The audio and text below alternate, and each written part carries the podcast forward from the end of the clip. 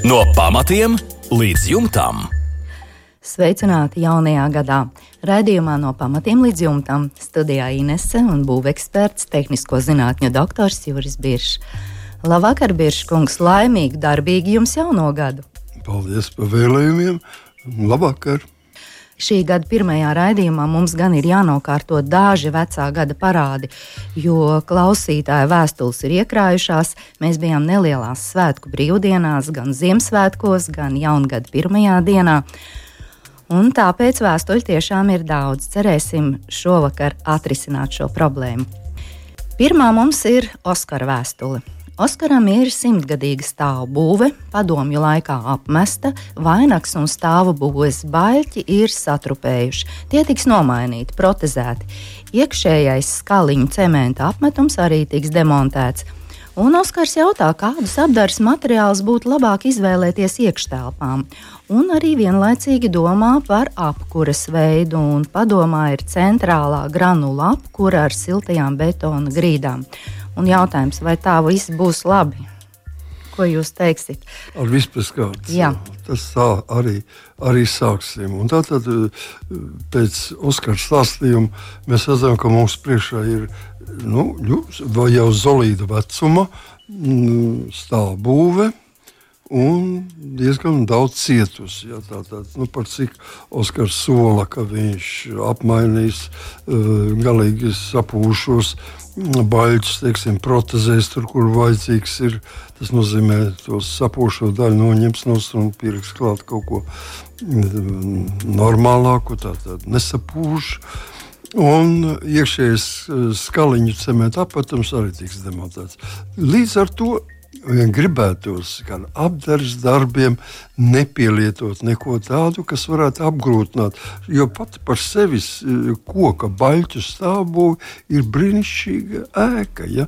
Tas nekas, ka viņa nedaudz tur ir bijis. Tas, bijis ir teiksim, koks, koksnī bojāts. Nu, jā, ja viņa, laika zobs. Jā, nu, laika zobs ir neizbēgams, bet uh, ielaist to nedrīkst. Protams, ka smagākās vietas tiks nomainītas, līdz ar to arī nekādi papildus draudi no šīs puses nevajadzētu vajadzētu. Jautājums ir tāds, savedot kārtībā šo stāvbūvu, nu, vajadzētu parūpēties varbūt ar papildus antiseptizēšanu.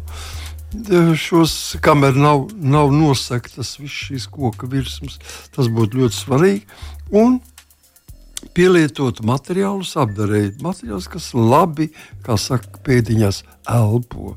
Tātad, kas nodrošina lielisku gaisa, gāzu, ūdens tvaiku, tātad, apmaiņas ar piekštāpu un āru. Līdz ar to man gribētos ļoti atcerēties mīkstās kokšķiedru plāksnes, uz kurām mēs varam tātad, likt virsū vainu Mm, dažāda tipa arī labi elpojušus apmetumus. Tas ir kā tīrā kaļķa apmetums, māla apmetums, māla plānais, māla biezais apmetums. Un tas ir veselīgi pārbaudīti un labi sadzīvo ar koku ēkām arī tāpat tas kā vienmēr. Un um, galu galā mēs varētu, man nekas nebūtu pretī, ja iekšdarbiem izmantotu tikai koku bez apmetuma. Ja? Tātad mums ir mūsu rīcībā ļoti daudz brīnišķīgu materiālu, daži dažādas skaidu konfigurācijas plātnes ir un, un ir vienkārši dēļi, dekoratīvi, ar kuriem var iztapsēt. Un, godīgi sakot, nu, jācenšas tikai viens, lai negadītos kaut kāds materiāls, kas prasa nu, teiksim, kaut kādu tvaikizolāciju, plēvis vai, vai, vai arī materiāls pats par sevi, kā piemēram, teiksim, tas ir, kad ja mēs pielietojam. Nu, skaidru plātni, ja, tikai tīru, tīru skaidru plātni, tad tas nav tas labākais. Ja. OSB mēs sakām, ja mēs pielietojam. Nu, viņš ir piesūcināts stiprā pakāpē ar plastikātu. Viņa caurlaides spējas ir nu, diezgan samazināts, kas nozīmē, ka kad uh, labāk viņu nelietot. Tātad nomainām to ar mīkstām kokšķieru plāksnēm. Tas būtu vislabākais. Kas attiecas uz apkuri, par cik jautājums ir. Es domāju, ka kad šī māja atrodas kaut kur lauku rajonā, cik es varu noprast. Un tāda granulas būtu ļoti labi. Vienīgais, ja teiksim, paplašinātu vēl granulu vietā, varētu lietot vēl nu, teiksim, šķeldu varbūt tas. Un otrs variants ir, par ko der padomāt. Ja? Tas ir, ja mēs pielietojam ļoti ekonomisku un, un ekoloģisku apkursu veidu. Tas ir pielietojot pie granulu katliem ar speciālu dīzi graudu. Mēs dedzinām graudus. Nevajag iedomāties, ka tā ir maize, bet, eh, teiksim, ja mēs lietojam zemākas kvalitātes graudus, teiksim, ko mēs varam izaudzināt savā teiksim, pie mājas zemē vai kaut kur meža vidū pļāviņā, ja, kur nekad nekāda augstvērtīga grauda nav iegūstama. Bet šeit, lūdzu, pie šī apgūras varētu līdzlietot šos graudus. Viņi ir ļoti ekonomiski, ļoti patīkami smaržo, kad viņi deg. Un enerģija ir ļoti liela. Viena trešā daļa no visa paliek tikai pelnos. Jā, ļoti interesants variants. Jā. Un varbūt Biržkungs vēl dažus vārdus, tikai dažus materiālus vainagu stāvbūvēi, ja satrupējuši baļķi. Kādu materiālu jūs ieteiktu izmantot? Vainu, redziet, ja mums ir stāvbūve, tad mums tomēr tie tie protestētie baļķu gali vai veselīgi galdi, baļķu gali ir jānostiprina. Ja? Jā. Un tāpēc mēs, ko mēs darām? Ja mums ir šis vainagbaļķis liels, caurmēr liels, tad mēs veicam viņu no kāda mūrējuma materiāla, teiksim, no ķieģeļiem mēs varētu veidot, no fiboblokiem varētu veidot, tikai ne no gāda betona, un augšējā daļā, taisni zem šiem baļķu galiem, mēs liekam planku ritīgu 7 cm mm -hmm. plānu. Koka, jā. Paldies, viss skaidrs. Paldies par atbildi Oskaram. Kaspars mums raksta, no iekšpuses izveidots koka karkas. Virsū skrūvēšu 2,5 cm biezas mīkstās kokšķiedru plāksnes. Tukšumā izpūtīšu ar celulozes vati vai kokšķiedru plāksnes liekamas uzreiz uz sausās betona grīdas? Šāds ir jautājums. Vai arī starpā vajadzētu likt kādu hermētiķi vai kādu deformācijas lentu, un Kaspars ir pievienojis fotoattēlu. Un te mēs redzam šo sienu un pieslietās kokšķiedras plāksnes un betonēto grīdu. Lūdzu, jūsu komentārs. Jā. Nu, es domāju, ka jau šis jautājums pats par sevi un tas, ka eh, Kaspars ir pievērst tam uzmanību, jau saka mums to, ka mums ir šaubas par to, vai var likt uz betonu.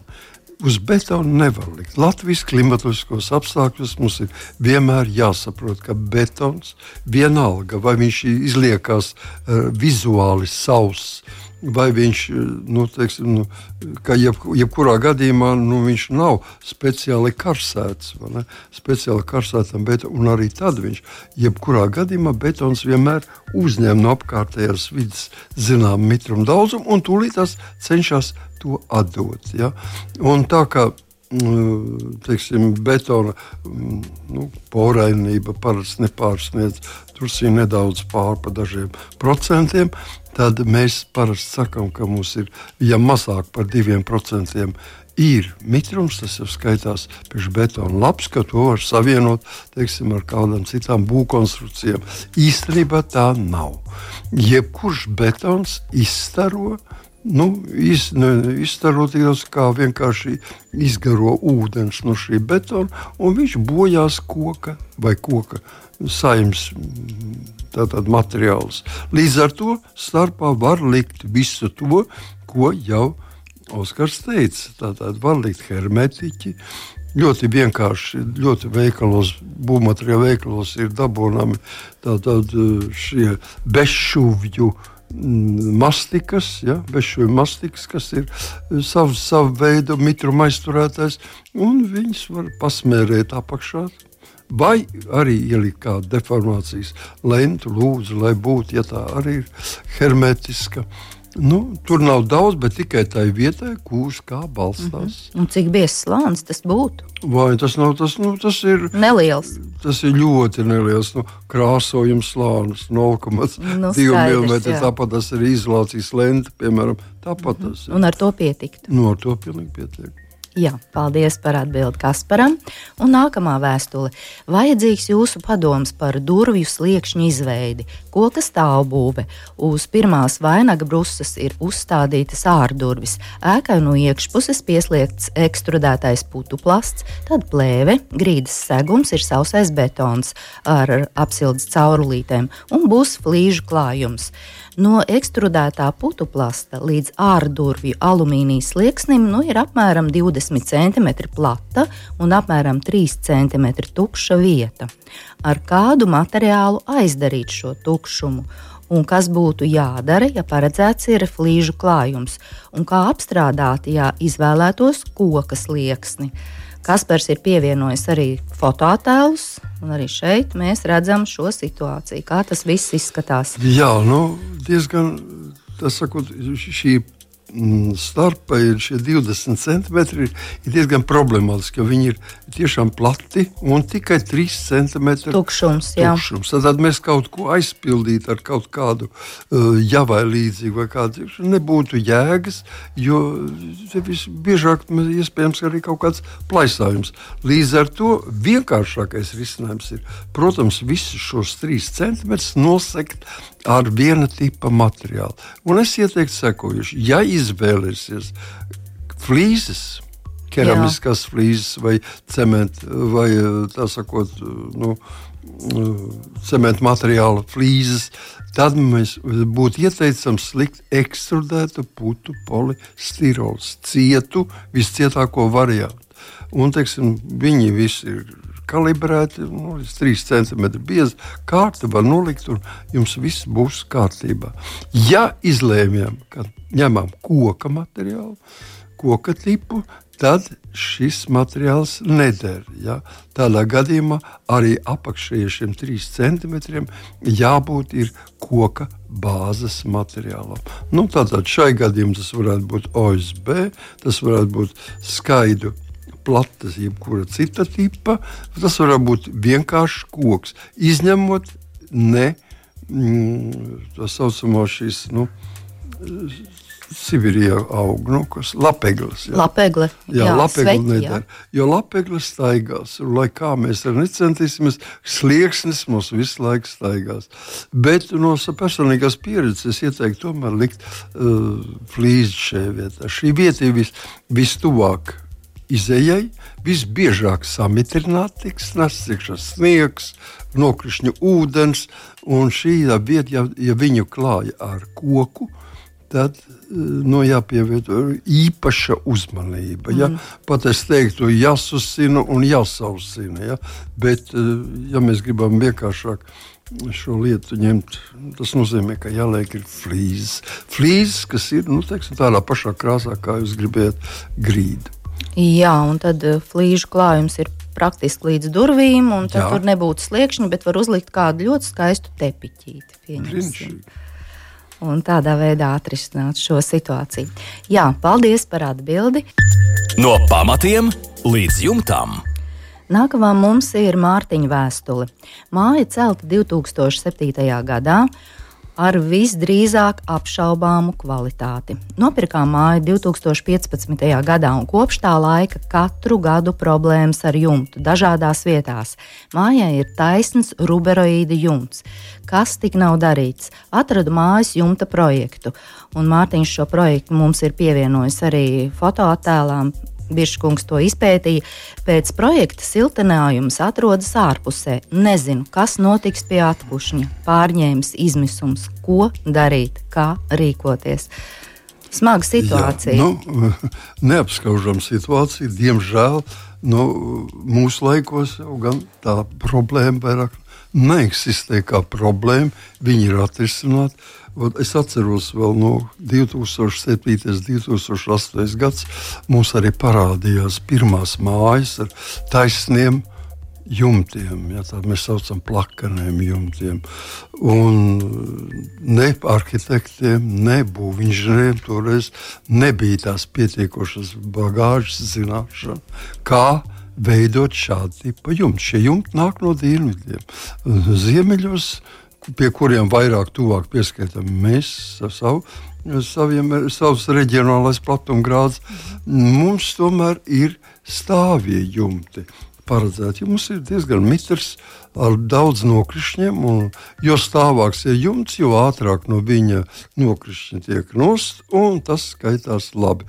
Plakanie jumti tieši nav domāti tam. Nu, tie domāti reģioniem, kuros nokrišņu ir maz vai vispār praktiski tikpat kā nav. Nu jā, bet lai ar kā šādi nu, jumti ir sastopami, nu jā, lūk, nē, šī nu, problēma. No 2000. gada sākumā visi pamazām, pamazām ieguva kaut kādas materiālos līdzekļus un sākās braukšana pa ārzemēm, kas līdz tam bija mums liekta. Un, un saskatījās mūsu bagātie cilvēki, ka taču ir, ir terases, plakani jumti, pentihausi un ak, Dievs, ko tikai neskaties.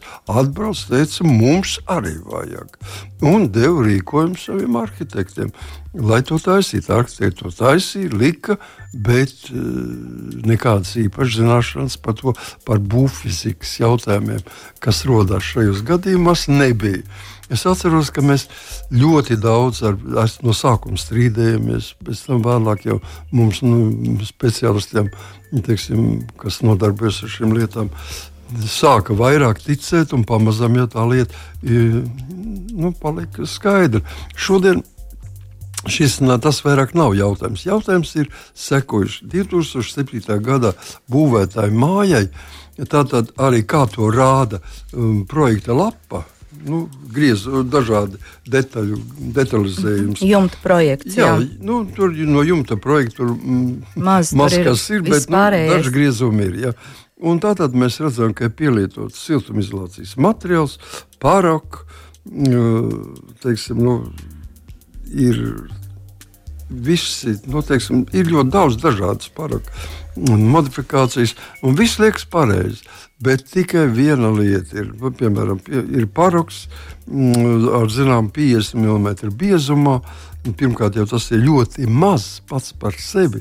Ir ļoti mazs uh, lielums, kas likās, ka toreiz būs pietiekoši.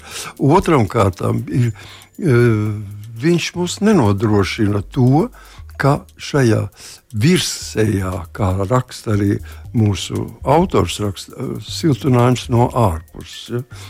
Mēs no virspuses. Šajā siltinājumā veidosies mūsu klimatiskos apstākļos Latvijā obligāti veidosies kondensāts, kondensāta mitrums. Ne no tā, ka augšpusē būtu ruberoids nepareizi uzklāts, ne no tā, ka apakšā teiksim, nebūtu palikts hidroizolācija. Viss ir palikts, viss ir vietā. Jautājums ir tikai tāds, augš, ārpusē mīnus 20 grādi, istabā plus 20. Redziet, kaut kur ir starpa, kur parādīsies tā saucamā nulles ja mēs sakām, nu, nulles punkta temperatūra. Nulles punkta temperatūra. Un viņi parādās tieši šajā siltumizolācijas materiālā. Citur nevar no kur parādīties. Vai no gaisā tas nav nekas. Istabā tā tur būtu mums. Bet mums parādīsies tieši siltumizolācijas materiālā. Un parādoties šeit, ar akmens vate mums sastāv no 80% gaisa un 20% apmēram cietās vielas. Tādā šeit ir tukša vieta. Un to arī prasa. Ja mums ir tukša vieta, materiālā, kas ir norobežots ar ārā gaisu un telpu, tad šajā tukšajā vietā Latvijas apstākļos veidojas mitrums, kas pārvēršas ūdens. Nu, tuk, šajā tukšumā ir ūdens. Ja šajā tukšumā nav ierīkota ventilācija, nu, jumtā nav nekādas ventilācijas, kas eh, ventilētu siltumizolācijas materiālu. Šeit ir paredzēts detekt, deflektors. Ir tātad kaut kādā mērā, cilvēki domājuši un ielikuši. Ja mēs skatāmies bildīt, kas ir atsūtīta, uz visa jumta stāv divi deflektori. Ielikti augstākajā ēkas daļā, viņi, nu, un ko darīs apakšējā daļa? kur tur ir šis, šis kondensāts. Šis jau neradīsies kondensāts tikai tur, kur ir deflektori. Ja? Viņš radīsies arī citur. Un Tāpat tās, ja mēs iesprāžam vatē deflektoru, kā tas ir izdarīts šajā gadījumā, nu tad cerības, ka kaut kas elpos, nu, izte, izteiktos ļoti, ļoti romantiski, bet neteiksim to. Jā. Šeit nav nekādas cerības par to. Mhm. Tāpēc pareizāk būtu lietot, un to tagad mēs lietojam, lietojam speciāls akmens vatas ar īpašiem ventilācijas ejām. Un šīs īpašās ventilācijas ejas ir jāsavieno, un tad šis krustpunkts jādod tieši uz deflekt, zem deflektora. Un tad viņš var sākt strādāt. Ja? Bet ko darīt Mārtiņam šajā situācijā? Viss ir skaidrs. Nu, Kā tas ir, izskatās, bet ko darīt? Divas, divas ceļas ļoti ātri pasakot, tikai jo man nav vienkārši Jā. laika daudz runāt. Divas iespējas, vai nu mēs izveidojam mākslīgi šīs ejas, griežot šodien šajā šajā nu, teiksim, ruberoidā, iekšā kopā ar ruberoidu un kopā ar vatni, izgriežam 3x3 cm tādu eju, un mēs viņu velkam starveidā uz šiem deflektoriem. Bet nu, šeit vai šāda tipa jumtam vajadzētu nu, vismaz vēl divus deflektorus, lai sadalītu to jumtu uz četrām daļām, tad katrā viducītī ielikt šo deflektoru un uz viņiem vilkt tos starus uz visām pusēm. Un tad mums būtu cerība, ka kaut kas pēc tam līmē virsū jaunu ruberoidu. Un viņš tur būs. Tas nav labākais ceļš. Labākais ceļš būtu vispār noņemt šo ruberoidu, uzlikt papildus vēl, jo tā jau es teicu, ka ir par maz siltumizolācija. Mm. Uzlikt vēl 20 centimetru virsmu jau īstu ar visām ejām. Un tad tas jautājums atrisinātos. Godīgi sakot, es tomēr uh, ieteiktu nu, tātad um, Mārtiņam, Mārtiņam. Jā, Mārtiņam ieteikt mazliet pakonsultēties ar, ar, ar celtniekiem. Jo šajā lietā nu, jābūt pilnīgai skaidrībai, kas kā rodas. Tad šo jumtu var savest kārtībā. Jā, pamatīgs darbs. Paldies par atbildi un vēl īsi atbildēsim uz Madaras jautājumu. Vēlos uzzināt, kādus materiālus jūs ieteiktu sienām un grīdai. Sienas tiks apmestas, bet nav pārliecības, ko darīt tālāk. Izmantot mikrocementu vai krāsot. Grīdām ir ūdens gaisa sistēma, tās ir izlīdzināts. Mēs domājam, ka laikam tās ir siltās grīdas. Un atstāt kādi 5-6 mm. Koka klājumu Madara nevēlas. Nu, katram materiālam, protams, ir plusi un mīnusi. Nu, ko jūs ieteiktu? Nu, Koka klājuma nevēlas, ir ja, daudz koka, variantu. Nu, varianti ir daudz, bet nu, visvienkāršākais variants šajā gadījumā ir, protams, flīža, flīzes. Ja?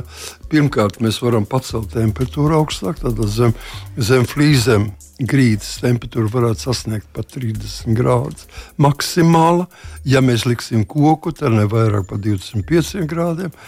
Un, un redziet, kas šī, šīs konstrukcijas, par ko Madara raksta, ir jāņem, jālieto cilvēkiem, kur ir pārliecība par to, ka uz viņu organismu neatstāja iespēja elektromagnētiskās starojums. Jo jebkura kustība, šķidruma kustība vai vienalga jebkāda cita veido zinām elektromagnētisko lauku. Pa caurulītiem e, plūstošais ūdens, kas mums iet dažādos virzienos, viņš veidos elektromagnētisko lauku. Ja cilvēka organisms brīvi to uzņem, un viņam nav nekādas grūtības to panest. Viss ir kārtībā. Mm -hmm. Bet ir varbūt tas ģimenē cilvēks, kas to grūtāk uzņem. Tāpēc parasti jau šīs apsildāmās grīdas veido nu, tajās vietās, kur, kur nu, teiksim, tur, kur nav guļamistabas, ja, kur mēs vienkārši pavadām dzīvi, sadzīves istabās. Nu jā, viesistabā. Jā,